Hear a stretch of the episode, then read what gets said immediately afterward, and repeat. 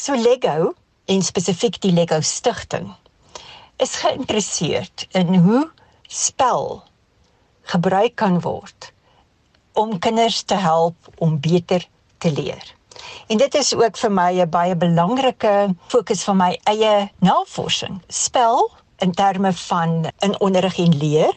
Een van my PhD studente doen ook 'n studie daaroor hoe spel gebruik kan word in die vroeë jare van die skool om leer te stimuleer. Die projek wat die Lego stigting vir ons befonds, het ook te doen met onderwysersopleiding. Ons was baie aangenaam verras toe die Lego stigting vir ons aangedui het dat hulle bewus is van werk wat ons doen saam met die Universiteit eh, van MIT, Massachusetts Institute for Technology in Boston FSA. Daar werk ons met die Lifelong Kindergarten groep. Nou, die Lifelong Kindergarten groep het baie jare gelede begin om programmering aanvanklik vir kinders maar groot mense speel ook daarmee te begin deur blokkies wat 'n mens aan mekaar skakel om dit nou baie eenvoudig te stel. Ons het met MIT begin saamwerk in 'n projek om onderwysers op te lei om te verstaan dat hierdie manier van programmering waar jy uh, baie interessante en kreatiewe dinge kan doen. Verjaarsdagkaartjies maak, prentjies maak, dan ook gebruik vir onderrig en leer. So ons het daarop gefokus om te sien hoe kan ons ons onderwysers oplei om dit te doen. En ons is baie trots op die werk wat ons doen saam met MIT. En om terug te kom, die Lego stigting het daarvan gehoor en toe was baie geïnteresseerd in wat ons doen met die onderwysers. Ons het 'n 2 jaar projek wat befonds word deur die uh, Lego stigting. Die lekkerte is dat uh, ons werk met hierdie jong mense wat 'n verskil gaan maak wanneer hulle die onderwys betree. Die manier wat ons met die studente werk om hulle te help om te leer hoe om te scratch, want dit is die programmeringstaal wat gebruik word, is op 'n baie ligte en speelse manier. So ons speel saam met die onderwysstudente om hulle te help om te verstaan in die eerste plek ook hoe spel gebruik kan word in hulle eie onderrig om hulle dit te laat beleef.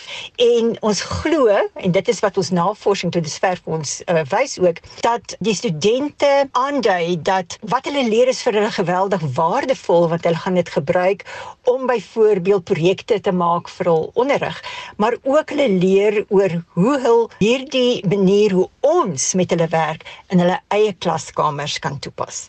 So dit is regtig 'n groot plesier.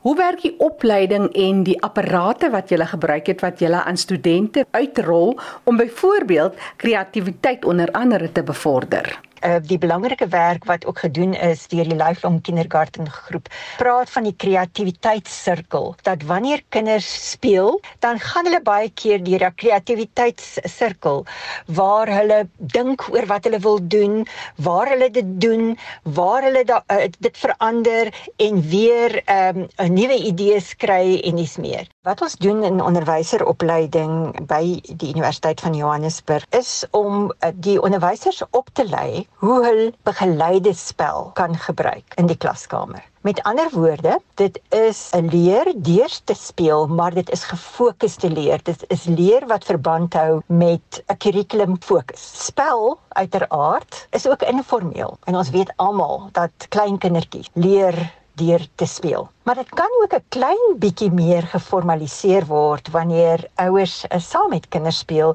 Lego blokkies en daar's baie mense wat baie het. Ouers het met Lego gespeel, selfs grootouers het met Lego gespeel en nou speel die kinders met die Lego. Die blokkies verjaar nie in die sin van dat mense hulle na 'n uh, klompie jare nie meer saam kan gebruik met nuwe blokkies nie. Uh, wanneer mens heelwat Lego het, dan is mens nie gebonde daaraan om iets spesifieks te bou wat op 'n prentjie is nie. En dit is waar die lekkerte van kreatiwiteit inkom.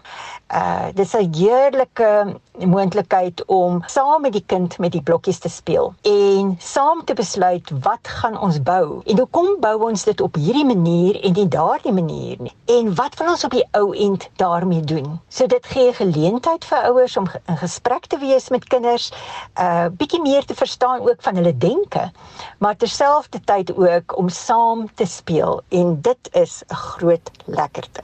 En vertel jy my, die stigting het ook ander projekte wat hulle wêreldwyd befonds. Veral met klein kindertjies hoe spel gebruik kan word uh, vir ontwikkeling veral met verminder bevoorregte kinders. En dan die werk wat wat my daar werklik diep raak, is die werk wat hulle doen met kinders byvoorbeeld oorlogsomstandighede of vlugtelingkinders. Hierdie kinders word gehelp deur spel om deur hulle trauma te werk. En dit is werk wat met die kollegas met wie ek gepraat het by die Lego Stichting baie na aan hulle harte is. Sarkie, maar jy is sterk van die opinie dat almal kinders van alle ouderdomme maar bietjie meer moeite kan doen om net lekker te speel.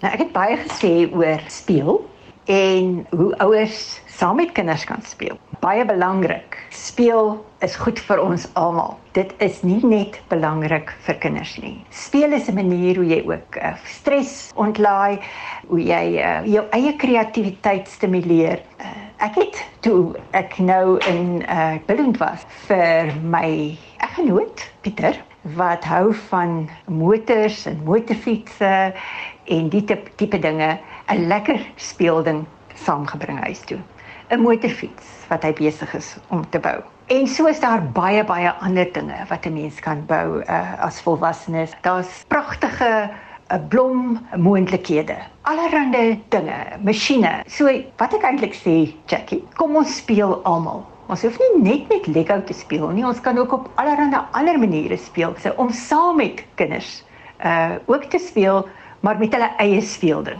En so gesels professor Saartjie Gravett, voormalige dekaan opvoedkunde by die Universiteit van Johannesburg en sy tans professor in opvoedkunde en fokus op opleiding.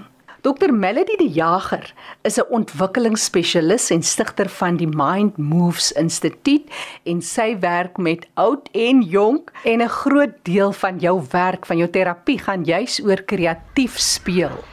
In 'n wêreld vol onsekerhede is dit so belangrik in die wêreld van die kind, die vroeë kinderjare, om te leer om hulle brein in te span om met onbekendes te werk en om te skep om iets bekend te skep uit wat beskikbaar is, iets te skep wat vir hulle bekend is en wat vir hulle sekuriteit gee.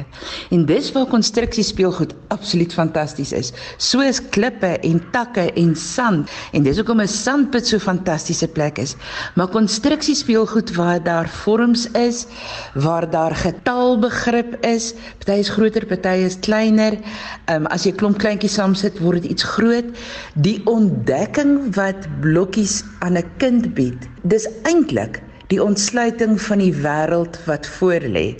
En as hulle suksesvol kan bou en nie net patrone volg nie, maar kreatief self omgaan, self bou, self beplan, self ontwerp, dan gee dit hulle die geleentheid om die brein areas wat hulle gaan nodig hê in die toekoms te ontwikkel voor hulle 6 jaar oud is.